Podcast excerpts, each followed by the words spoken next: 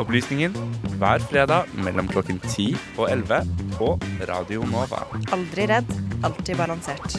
Opplysningen. I tillegg til å ha veldig fascinerende historie, så er Kina rett og slett veldig, veldig stort. Landets befolkning er på ca. 1,4 milliarder. De har verdens største CO2-utslipp, og de er den største forbrukeren av kull og den største produsenten av solteknologi. Staten sier ofte at det er nødvendig for Kina å få lov til å fortsette med store utslipp for å oppnå samme levestandard som velutviklede land, og de rike i-land som må ta på seg ansvaret for å kutte utslipp. Men mange år med vekst og kullbrenning har skapt problemer for lokalmiljøet i form av luft- og vannforurensning, og flere og flere kinesere har begynt å kreve endringer. Ofte ved hjelp av ny teknologi og blogging på internett.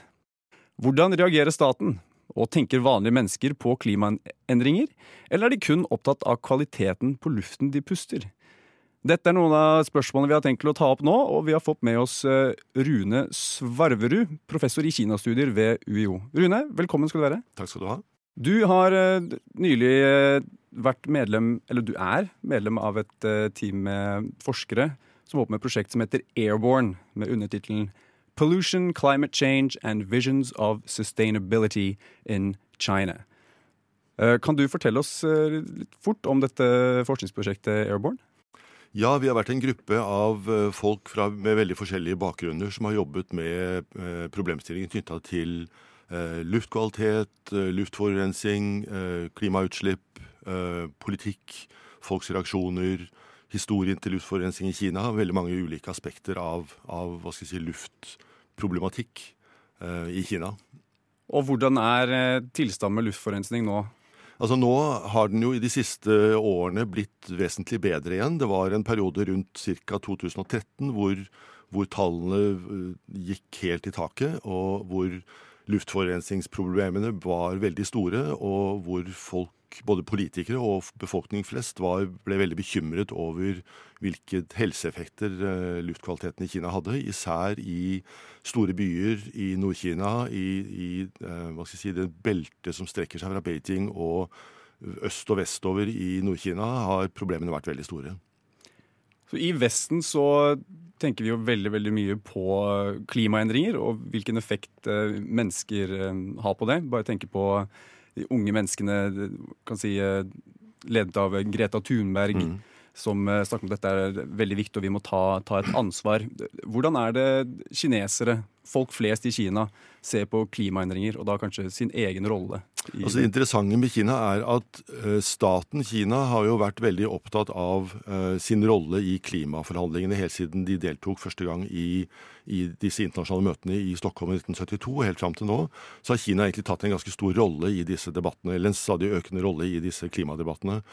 Sånn på overordnet nivå, på internasjonalt nivå. Men eh, lokalt så er folk i Kina helt klart mest opptatt av eh, den lokale lufta, altså lufta utenfor vinduet deres.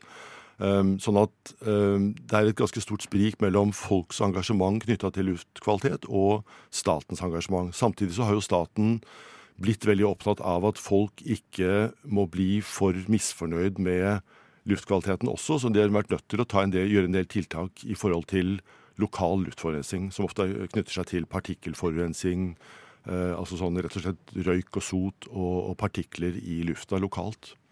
Og er det en, en direkte tilknytning mellom å holde på med sånne tiltak og ting som reduserer CO2-utslipp, eller kan disse to målene jobbe mot hverandre på en måte? Det er ganske komplisert, faktisk. Altså det er klart at Brenner man kull i kullkraftverk, så får man mye CO2-utslipp, og man får samtidig mye partikkelutslipp som bidrar til lokal luftforurensning. Så en viss sammenheng er det. Samtidig så er det sånn at faktisk så vil eh, partikkelutslipp også kunne eh, motvirke global oppvarming fordi det, eh, det reflekterer en del av sollyset. Sånn at eh, er, disse sammenhengene er ganske komplekse. Men det er klart at mye av det henger sammen. Og at eh, man kan trygt si at, at både CO2 er, og partikkelforurensning er et resultat av økonomisk vekst i Kina. Og ikke minst av Kina som et, et land som produserer varer for store deler av resten av verden. Kina er eh, største produsenten av eh, solteknologi, og jeg tror også største investoren innenfor grønn teknologi eh, generelt. men også de som lager flest nye kullkraftverk Mm. også. Ja. Hvordan Er det god kvalitet i, i investeringene i grønn teknologi i Kina? Kan vi forvente å se, å se alle de nye teknologiene komme fra Kina i fremtiden? Jeg tror at uh, kvaliteten og, og hastigheten på utviklingen i Kina innenfor dette området er veldig rask og veldig god. Altså De er veldig gode til å lage batterier, vet vi veldig, veldig mye om. De er jo blitt store på batteriteknologi og, og utvikling av elektriske biler f.eks. Og solcelleteknologien i Kina er i verdensklasse. Så det er klart at de ligger langt fremme eh, på dette feltet, både si, ikke minst internasjonalt. At de selger mye av den teknologien videre til resten av verden. Så det er klart Kina er store på grønn teknologi i verdensmålestokk. Når man lytter til Xi Jinping sine taler, snakker han om uh, the China dream. Og det er et begrep som har dukket opp, og det er uh, at Kina skal være en uh, økologisk sivilisasjon.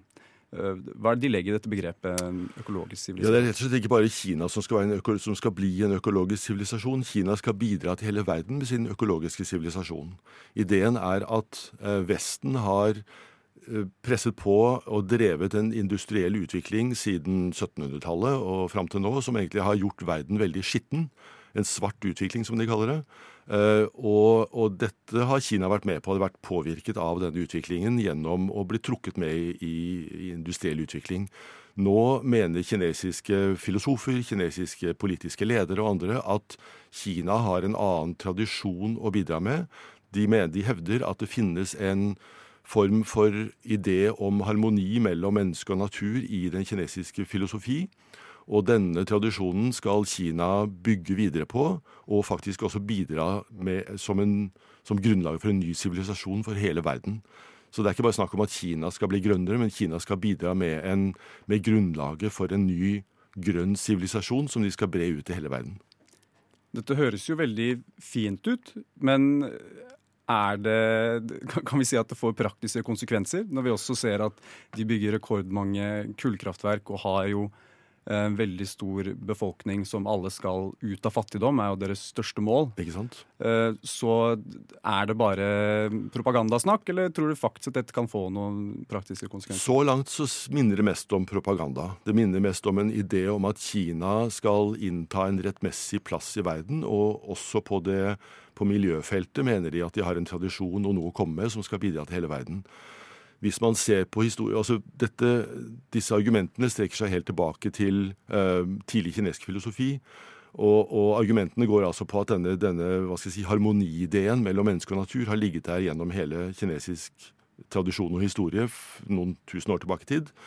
Eh, hvis man samtidig ser på hva, hvordan miljøet har utviklet seg i Kina i den samme perioden, så ser man jo at Kina har vært en av verstingene på misbruk av naturen, av skoging og sånne ting gjennom hele den samme historien.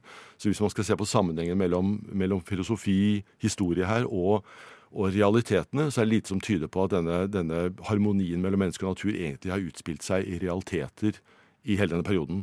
Så jeg tror nok at det er en ganske stor forskjell på hva skal jeg si, aktuell politikk her, på økonomi, utvikling og, ide, og, disse realitetene, og denne ideen om at det finnes en grønn sivilisasjon uh, i kinesisk tradisjon som, som så skal promoteres til hele verden. Jeg er ikke så sikker på at dette at det er noen realiteter i det. Det er mer en slags idé om at Kina skal innta en, en ikke bare en politisk og økonomisk, men også en slags sånn uh, historisk og sivilisatorisk plass i verden gjennom, gjennom denne ideen.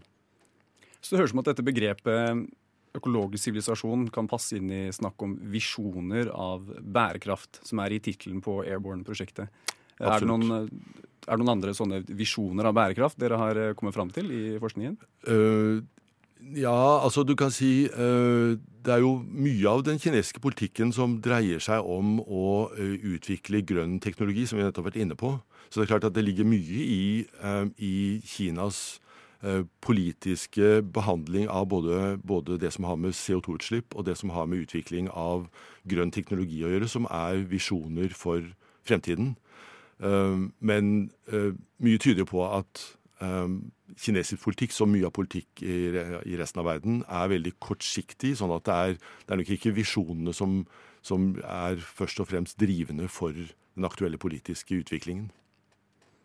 Tusen takk for at eh, du tok deg tid til å snakke med oss, Rune Svarverud. Bare hyggelig.